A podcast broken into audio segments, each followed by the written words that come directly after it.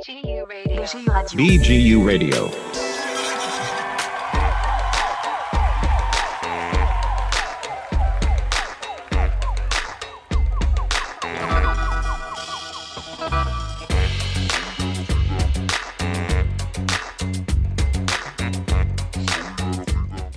שלום לכל הסטודנטיות והסטודנטים של BGU, ברוכות הבאות, ברוכים הבאים לפודקאסט הראשון של האגודה הסטודנטיאלית ברדיו BGU, ושלום גם לך, טל שחר. שלום לך שיר מאיר, אני מאוד מאוד מתרגש שהצטרפנו רשמית לרשת הפודקאסטים החדשה של אוניברסיטת בן גוריון. תשמע, זה סופר מרגש, וזה גם מאוד מאוד משמח. בעצם אה, מה שאנחנו רוצים לעשות בתור גוף הצעירים הגדול בדרום, זה ליצור תוכן שיעניין את הקהילה הסטודנטיאלית. עכשיו, אתה יודע שפודקאסטים מתפשטים בעולם בערך באותה מהירות שבה נתפסים אה, חדרים במסלול השווה בפאנג'ויה, זה ככה מקורות זרים מספרים.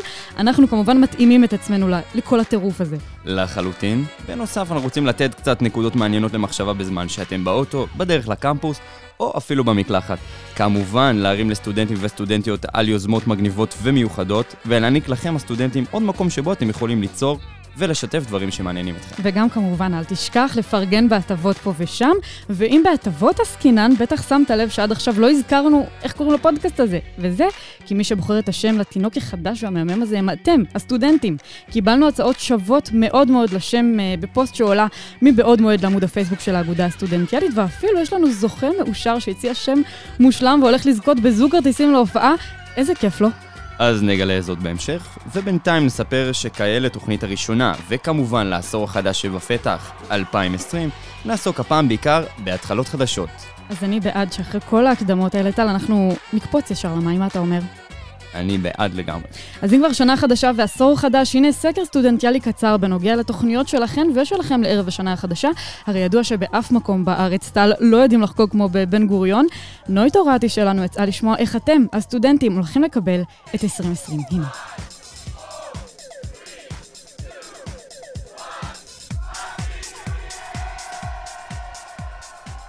טוב, אז uh, 2020 בפתח, בואו נמחא לה איזה כף, אבל uh, אחת, כן? שלא תתרגש מדי.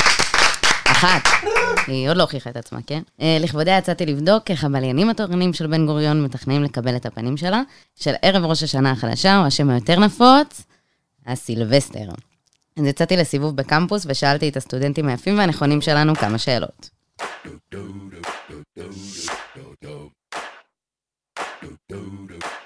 אני עדי גורה, אה, לומדת מזרח תיכון עם אה, לימודי אירופה, ושנה שנייה. שלום, אני שחר רבינוביץ'. קרן, חינוך. אה, אנדרי אלכסנקו, ניהול מלונות ותיירות, שנה ב'. אדיר מרום, הנדסת מערכות מידע, שנה שנייה. רז בדש, תואר מלונאות ותיירות, שנה א'. עופרי, ניהול חינוך ויישוב סכסוכים. אז מה התוכניות שלך לסילבסטר? וואי, וואי, מאיפה נתחיל? יש מלא מסיבות, אנחנו נצטרך להספיק הכל. זה אומר חצי שעה פה, חצי שעה פה. אני הולכת למנהרות הקסדה, המסיבה הכי שווה בסילבסטר. חוגגת עם המשפחה נובגוד. לרקוד, להיות בבית. עד אור הבוקר בעזרת השם. לחץ חברתי גדול. אנחנו עושים מסיבה ברובע האומנים בעתיקה.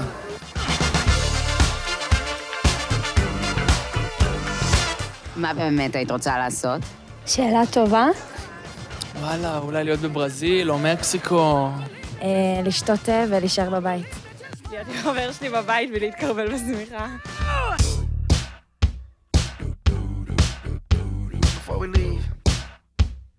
יש לך תוכניות לחצות?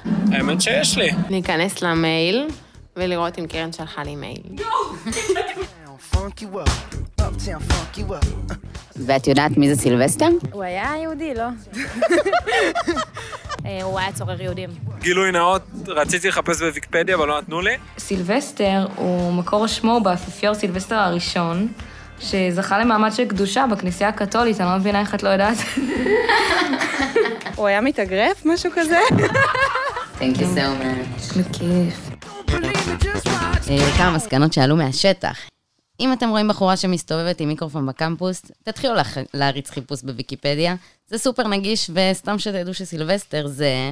כומר, כומר קתולי, שמת ב-31 לדצמבר. לא יודע איך זה מקשרים, אני חושב שזה פרופגנדה נגד רוסים. אם להיכנס לעומק, רוסים זה אורתודוקסים. אז אה, סליחה, אנחנו לא עכשיו נגד יהודים או... כאילו, מה זה אנחנו? העם הרוסי. אנחנו חוגגים נובגוד, שזה חג תרבותי כמו ראש השנה, אנחנו מתאספים, יושבים. מסקנה נוספת שעלתה, שחלק מהסטודנטים היו שמחים דווקא לא לצאת למקום שכולם יוצאים אליו, ודווקא לשבת בבית עם תה או שוקו חם. למה הם כן יוצאים? או, טוב ששאלתם, זה נקרא פומו. Fear of Missing Out. הרוב היו שמחים לעשות משהו אחר, אבל יוצאים בכל זאת, מתוך החשש להחמיץ. וזה הזמן להגיד לכם, ולכן, אתם לא לבד. המלצה שלי, תעשו מה שבא לכם וזורם לכם. אבל מצד שני, גם אני מתכנת לצאת בערב השנה החדשה, אז... אה, המסקנה הכי חשובה היא שיהיה קר, אז תתלבשו חם, וכנראה שלא יהיו מוניות, אז תשיגו לכם איזה גמל תורן. ולכל הבנות שם בחוץ, דור, בן 27, הנדסת מערכות מידע, שנה שנייה.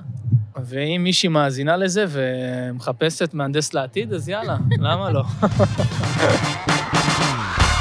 תודה רבה לנוי, ולמי שעדיין לא סגר תוכניות, מקווה שקיבלתם כאן כמה רעיונות טובים. וטל, העיקר שאתה יודע, שלא נפספס הזדמנות לחגוג, זה מה שחשוב כאן. אז כמו שכבר הספקתם להבין, הפודקאסט הזה כולו סטודנטים, וזה תקף גם לגבי המוזיקה. קבלו את הבחירה המוזיקלית של מחלקת מעבדה רפואית, טונה, אחרי אהבה. כמה חברים שלי קנו עכשיו דירות, בחשבון עובר ושב שלי יש ארבע אגורות, וביטוח לאומי מול שתי נשים מאופרות, היי נעים מאוד, איתי שלום נעים מאוד צרות, שילמתי חזרות, פאבים לא רצו, שנים שנגנזו על השירים שלא יצאו, ויתור והקרבה, in the name of אהבה, לא בגרות, לא לימודים ולא טיול אחרי צבא, כשאתה מוציא על התחביב קצת יותר מהתקציב, אז הוא לא בדיוק תחביב, אבל זה בדיוק אני, וכל כך הרבה שנים שאני לא בדיוק יציב, זה הפך ממש יציב, ותודו זה גאוני.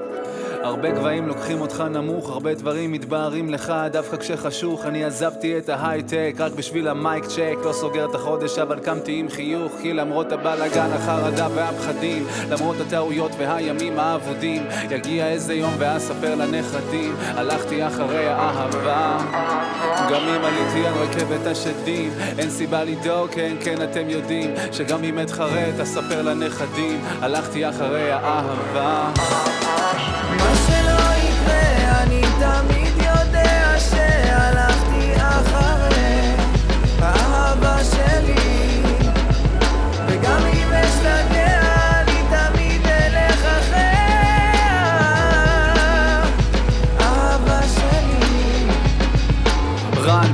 run, run, איזה run רצתי לא ישבתי רגע מהרגע שפרצתי. כיף לקרוא אחי לאומנים שהערצתי ואיך כל זה עזר לי כשקרסתי. איך עוד לא נמאס לי, רסמי מי בכלל מבין לאן נכנסתי? כמה רגעים מהחיים שלי פספסתי. sorry כשהייתי שם בקושי התייחסתי. לא תכננתי ככה את החיים האלו trust לי הם מוזרים. חילקתי את הלב שלי ל-12 שירים. אני רחוק מאהבה, אני רחוק מחברים. אז מתי יהיה לי רגע לאסוף את השברים? אם אני נותן 24-7 על ה beat תמיד יש איזה משהו להפסיד. וכמה שכואב לי להביט וואלה לא הייתי, לא הייתי משנה שיט. כי למרות הבלאגן, החרדה והפחדים למרות הטעויות והימים האבודים יגיע איזה יום ואספר לנכדים. הלכתי אחרי האהבה גם אם עליתי על רכבת השדים. אין סיבה לדאוג, כן, כן, אתם יודעים שגם אם אתחרט, אספר לנכדים. הלכתי אחרי האהבה. מה שלא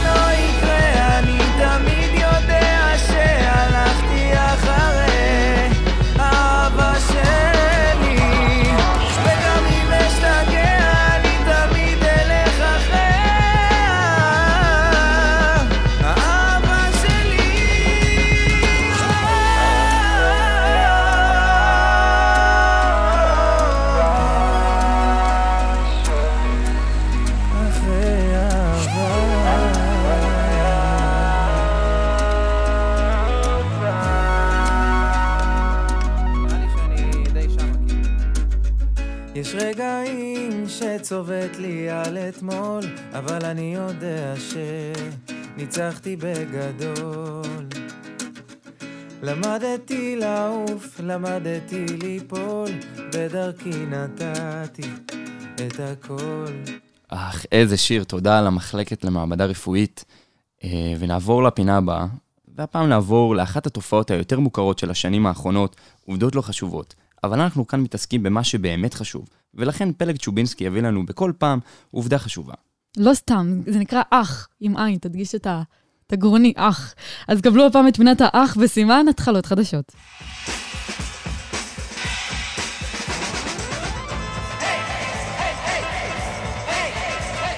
אז uh, לכבוד ההתחלה של הפודקאסט שלנו, וכמובן תחילת השנה החדשה והעשור החדש, העובדה החשובה שלנו היום עוסקות בהתחלות. שנתחיל?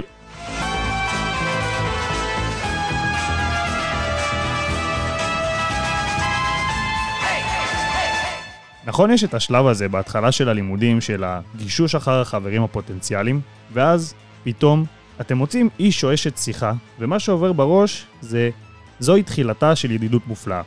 בכל אופן, אני מניח שרובנו, גם אם לא באוניברסיטה, נתקלנו במשפט הזה בסיטואציה כזו או אחרת. אבל מה שרובנו לא יודעים, זה מהיכן הגיע המשפט. אז המשפט האלמותי הזה נלקח מהסרט קזבלנקה, ולא, לא מדובר על קזבלנק בכיכובו של יורם גאון.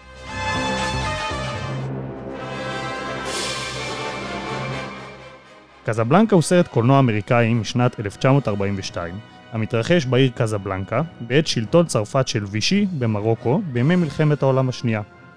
עלותו הכוללת של הסרט הייתה 950 אלף דולר, עלות שהיוותה חריגה מסוימת מהתקציב, אך עמדה בסטנדרטים של הפקה הוליוודית מאותה תקופה. בכל זאת, 1942. עוד בזמן הקרנתו לראשונה, היה הסרט ללהיט. ובמהלך השנים צבר קהל אוהדים נאמן. הוא נחשב כיום לקלאסיקה קולנועית ומדורג באופן תדיר על ידי המבקרים כאחד הסרטים הטובים ביותר שנעשו בהוליווד. הוא זכה בפרס אוסקר לשנת 1943 כסרט הטוב ביותר, וב-2012, 70 שנה לאחר יציאתו הראשונה, יצאה גרסה מחודשת לסרט. אבל uh, לענייננו. המשפט עצמו מופיע בסצנת הסיום של הסרט, כאשר שני הגיבורים, רנו וריק, פוסעים אל הערפל, רנו מציע לריק לברוח אל מדינה שבתחום צרפת החופשית, וריק מצידו עונה כי הוא חושב שזוהי תחילתה של ידידות מופלאה. Friendship. שמעתי שבימים חורפיים, אם מקשיבים טוב טוב, ניתן לשמוע סטודנטיות ברחבי באר שבע לוחשות את זה לבקבוק החם שלהן, לאחר שמילאו בו מים מהקומקום לפני השינה. ואפרופו להתחיל משהו, למי מאיתנו שקשה לו או לה להתחיל עם משימות, והמילה אחר כך נמצאת אצלו או אצלה קבוע בלקסיקון, אתם לא לבד, ויש לזה הסבר. אז בואו נדבר על דחיינות. דחיינות מוגדרת כקושי לסיים משימה מסוימת בפרק זמן שהוקצב לה. הגדרה אחרת היא דחייה של משימה במטרה להשיג השפעה חיובית לטווח קצר, במחיר של ויתור על מטרות לטווח ארוך. דחיינות היא תופעה אנושית נפוצה, שבה אדם דוחה לעתיד משימה שהוא אמור להתמקד בה עכשיו, בדרך כלל לטובת פעילויות אחרות, יותר מהנה ופחות מאמצת. למעשה, דחיינות היא תופעה נרחבת, המשפיעה על כ-20% מהאוכלוסייה הכללית ועד 70% מאוכלוסיית הסטודנטים. נראה כי היקף התופעה נובע מהמגוון הרחב של גורמים שעלולים לעורר דחיינות. ניתן לחלק את הסיבות לדחיינות לגורמים הקשורים למאפייני המטלה, לגורמים פסיכולוגיים וגורמים ביולוגיים. ידוע כי נוירוטרנסמיטר, שזו מילה קצת קשה, אני מודה, אה, בשם אחר הוא נקרא מוליך עצבי בשם דופמין, שהוא סוג של כימיקל שנמצא במוח ומספק לנו תחושות חיוביות כמו העושר, ההנאה, המרץ והמוטיבציה, משוחרר במוח לקראת סיום מטלה ומביא לרוממות רוח רגעית שעוזרת לנו לתת פוש ולסיים את המשימה. אולם כשהמטלה בראשיתה ואין שחרור מתגר... מתגמל ומעודד של דופמין, אנו נוטים לעבוד לאט יותר ולהתקשות בביצוע המשימה. דחיית המטלה לרגע האחרון מעלה את רמות הלחץ, כתוצאה משתחררים הורמוני לחץ בגוף ומתקבלת תחושת דריכות. חלק מהאנשים דוחים את המטלה לרגע האחרון, כיוון שהם מאמינים שהם אינם יכולים לבצע אותה כמו שצריך, בלי שתחושת הדריכות הזו והלחץ ידרבנו אותם. ניתן להסביר מנגנון זה כבובה המופעלת על ידי מתיחת קפיץ, ועד שהקפיץ אינו מתוח, כמו אה, דחיינות והתקרבות למועד ההגשה, הבובה לא מסוגלת לנוע במהירות. בקיצור, כמו שכבר אמרתי, דחיינים ודחייניות שלנו, אתם לא לבד. ממש לא לבד, ונקווה שלכבוד העשור החדש נצליח כבר להתגבר על הרגלי הדחיינות האלה, אינשאללה. אמן. עכשיו נעבור לראיון עם בחור הכי לא דחיין שהעיף את החלומות שלו באוויר, והולך לספר לנו איך זה להקים סטארט-אפ חברתי עוד כשאתה סטודנט. טל, ואתה יודע, לא סתם סטודנט, סטודנט uh, שהוא אחד משלנו, מבן גוריון, שגם לא פחות ולא יותר יזם את עניין הנגשת שפת הסימנים הישראלית באירוויזיון, שהיה ממש כאן בשנה החולפת, ואפילו נבחר לאירוויזיון לעשור, שזה מטורף. הנה זה בא. במיוחד בשבילך. מדהים.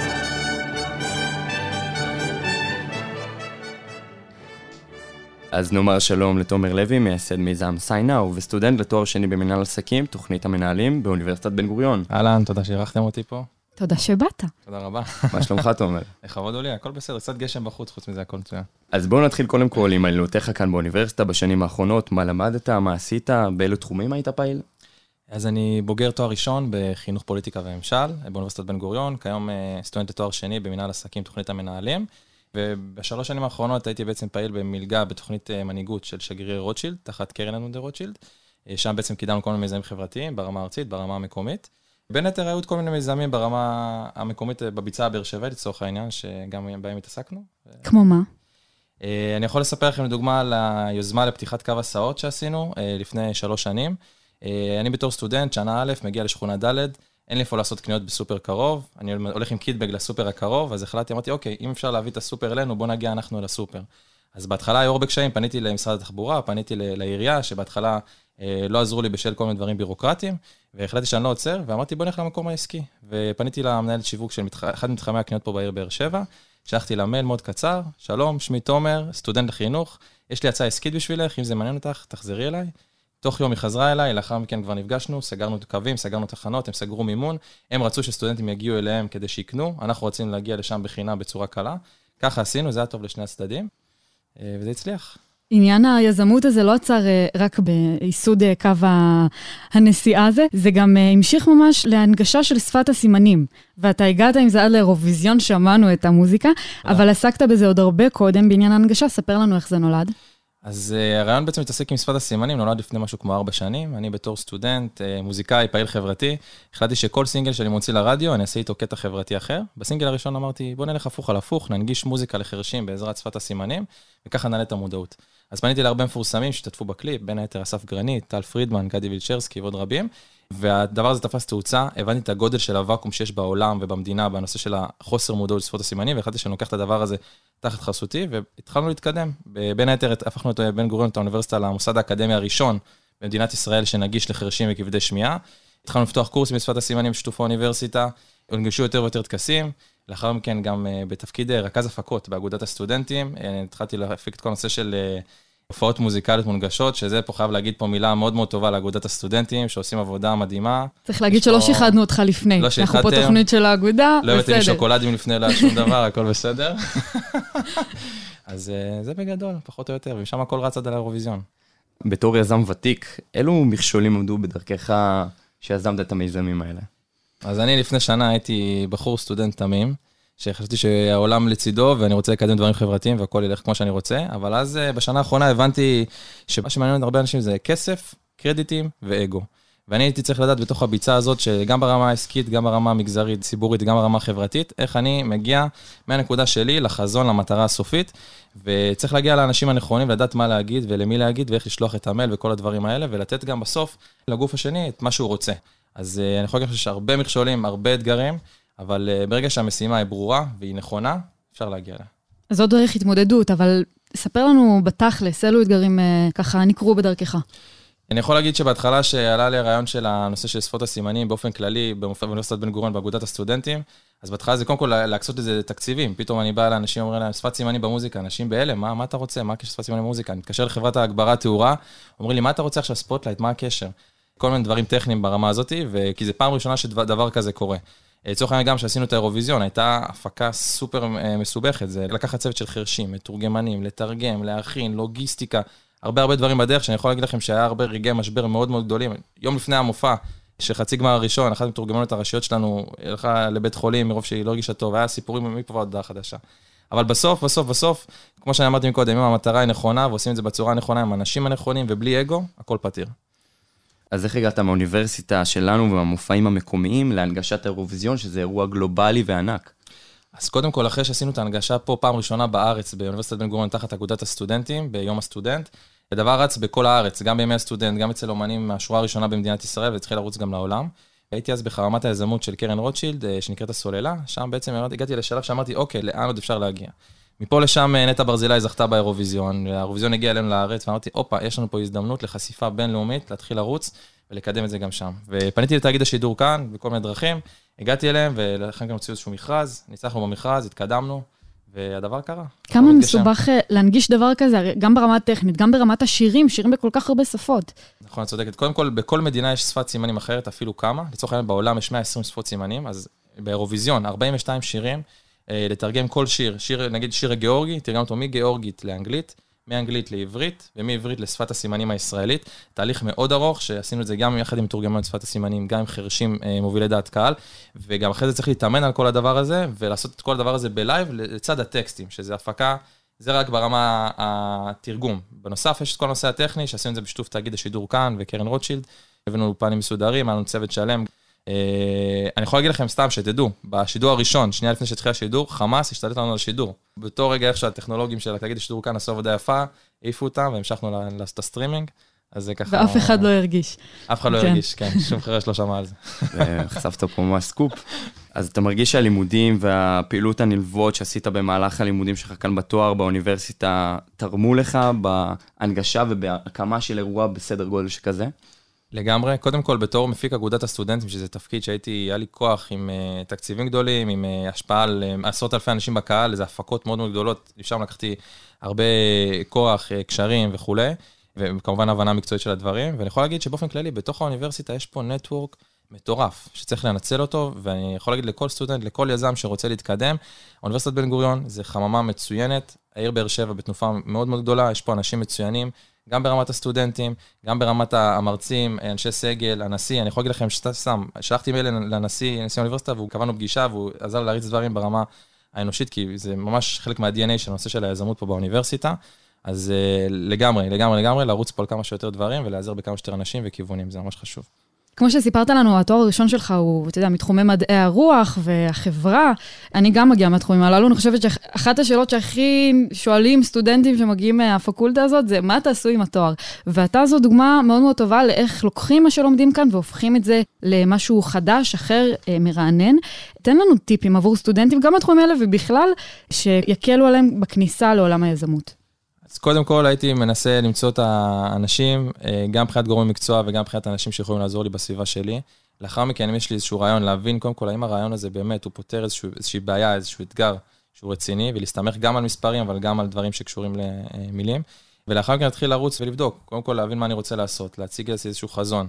אסטרטגיה, איך אני מביא את החזון הזה לידי ביטוי, מטרות ויעדים מדידים, איך אני מגיע, מה אני עושה בכל שלב, ואז פשוט לבנות צוות שיהיה צמוד אליך, ברמת ההתנדבות, ברמת הסיוע, שיוכל לבוא ולקדם, ולמצוא את הפתרונות הספציפיים, נגיד להביא את האיש שיווק מפה, שהוא חבר טוב, להביא איזשהו יועץ עסקי ממעוף, שעושים דברים בנורא בזול לעסקים קטנים וכל מיני כאלה, ופשוט להתקדם מצעד צעד. יזם שרוצה לעשות משהו, רואה את המטרה הסופית, אבל הוא לא יודע איך הוא יגיע אליה.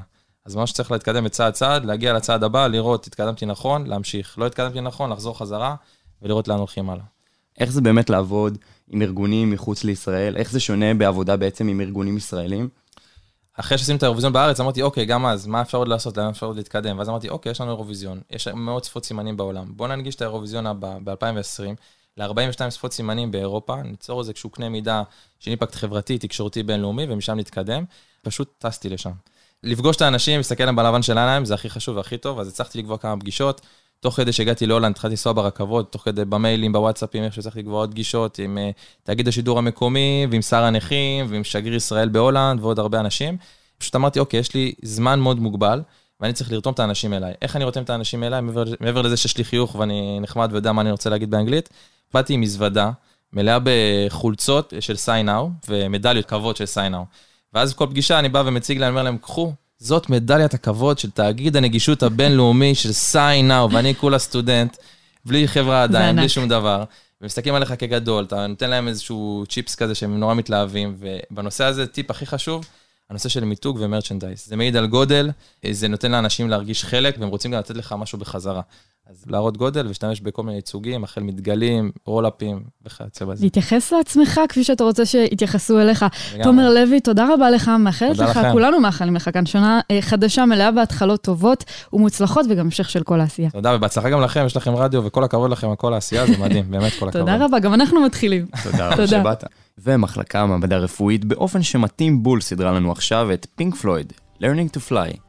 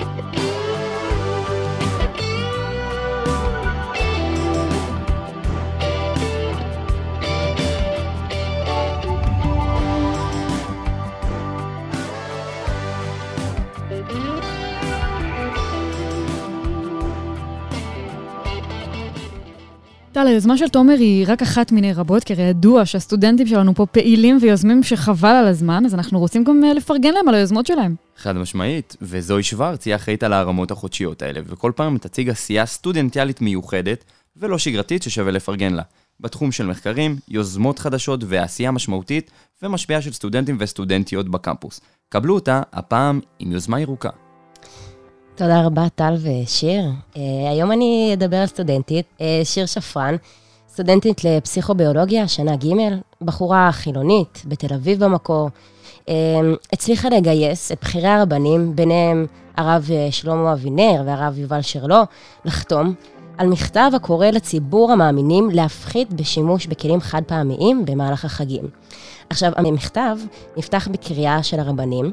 אנו מרגישים חובה תורנית, דתית ומוסרית להשמיע קול ולקרוא לציבור להפחית את השימוש בכלים החד פעמיים בחגי תשרי, הבאים עלינו לטובה. שאלתי באמת את שיר, מה גרם לה לרצות להשפיע על קהילה שהיא לא מזדהה חלק ממנה? ושיר ענתה לי ש... קודם כל, כן הגדרתי את היוזמה כ... כמכתב שמכיל חתימות של רבנים מהציונות הדתית. אבל בסוף המכתב הזה הוא אמצעי, והמטרה היא העלאת מודעות ציבורית, אז העלאת מודעות זה מבחינתי כל מי שמשתמש בכלים חד פעמיים, אז מבחינתי זו המטרה, פשוט אני ראיתי, אוקיי, חגי תשרי מתקרבים, ותמיד בחגים יש עלייה של עשרות אחוזים בצריכה של כלים חד פעמיים, ופשוט שאלתי את עצמי, שיר, מה המעט שאת יכולה לעשות בשביל למנוע לפחות חלק מהכמות הזאת מראש? אה, ורבנים הם כוח, הם כוח השפעה מאוד משמעותי בחברה הישראלית. חשוב לי לציין שבנובמבר האחרון שיר זכתה בפרס נחמה ריבלין לקיימות על היוזמה שלה, אז באמת כל הכבוד. ובאמת לטובת הכתבה הזאת צללתי אל תוך עולם הפלסטיק, literally, וגיליתי שהמצב הוא באמת חמור. כל כך חמור, עד שמחקרים מראים שעד 2050 יהיו יותר אה, חתיכות פלסטיק בים מאשר בעלי חיים, שזה באמת עובדה מטורפת, ונחשפתי לעוד תופעה מזעזעת שקוראים לה איי זבל באוקיינוס. מדובר בעצם בחמישה מצבורי ענק של זבל, שהגדול מביניהם מוערך כגודל של אה, מדינת צרפת, שזה ממש גדול. אמ, ובאמת, נושא איכות הסביבה פשוט תפס תאוצה גדולה מאוד בשנים האחרונות, במיוחד לאחר פרישת הברית אה, מהסכם האקלים בפריז, והמאבק גם תופס אה, פנים מאוד מוכרות, ביניהם גרטה טוננברג. People are suffering. People are dying. Entire ecosystems are collapsing. We are in the beginning of a mass extinction, and all you can talk about is money and fairy tales of eternal economic growth. How dare you! כן, קשה, קשה להישאר אדישים אליה. Uh, הנערה הזאת הוציאה אלפי בני נוער לרחובות בדרישה ממנהיגי העולם להתייחס לבעיית האקלים באופן מיידי. וחזרה פה לעולם שלנו, בעולם הסטודנטיאלי בבאר שבע, נושאי הלפיד הם אה, תא פלסטיק והמגמה הירוקה, שמצליחים להעלות את המודעות לצמצום השימוש בפלסטיק בקרב הסטודנטים. ואחת הדוגמאות שבאמת אה, נחשפתי אליהם ושמעתי עליהם, זה שלא מזמן הייתה אה, מסיבה פה של סטודנטים שארגנו, ובשיתוף עם תא פלסטיק, הם באמת הגישו את, את כל השתייה בכוסות רב פעמיות. אז כל הכבוד. אז איפה אנחנו כסטודנטים בעצם נכנסים לתמונה? דבר ראשון, אנחנו מן הסתם צריכים לצרוך כמה שפחות חד פעמי. אוקיי, יפה זוהי, קל להגיד, קשה ליישם. אז הנה כמה טיפים שיכולים לעזור. טיפ ראשון, ניתן להגיע לכל קפיטריה ברחבי האוניברסיטה עם כוס רב פעמית מהבית ולקבל בה קפה. תשמעו, זה משתלם גם כלכלית, כי בארומה תקבלו שקל הנחה אם תביאו כוס מהבית, ובשוקולטה תחסכו חצי שקל על קפה הפוך. אתם יכולים לחסוך עשרות, אם לא מאות שקלים בשנה, תלוי כמה אתם שותים קפה, וגם לשמור על הסביבה. טיפ שני, מעיינו את הזבל שלכם. בימים האחרונים פוזרו בבאר שבע הפחים הכתומים, בהם אתם באמת יכולים לזרוק כל מיני אריזות. אה, אריזות פלסטיק, שקיות ניילון, אה, אריזות קלקר, אה, שקיות מזון, אריזות מתכת, כמו נגיד טונה, קופסאות שימורים, וקרטוני משקה. וכמובן, טיפ אחרון, תפסיקו להתעצל, תעשו כלים. עד שגם המים ייגמרו, ועד אז אני אחשוב לכם על טיפים חדשים. תודה רבה.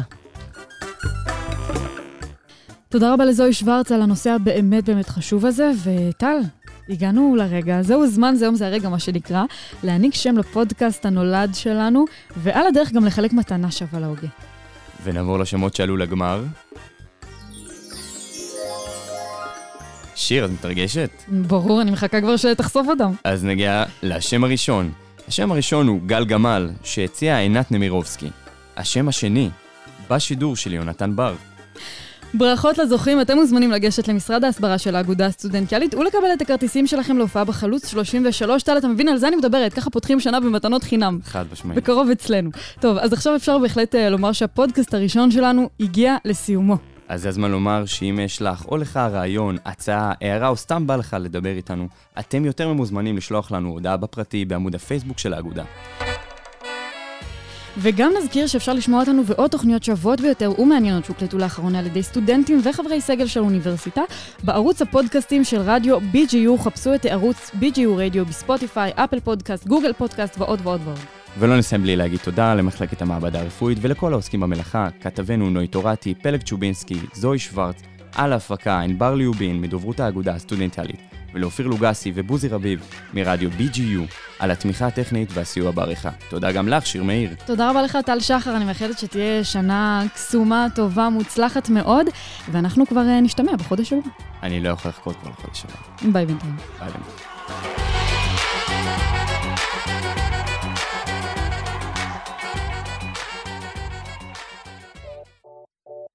BGU Radio. BGU Radio.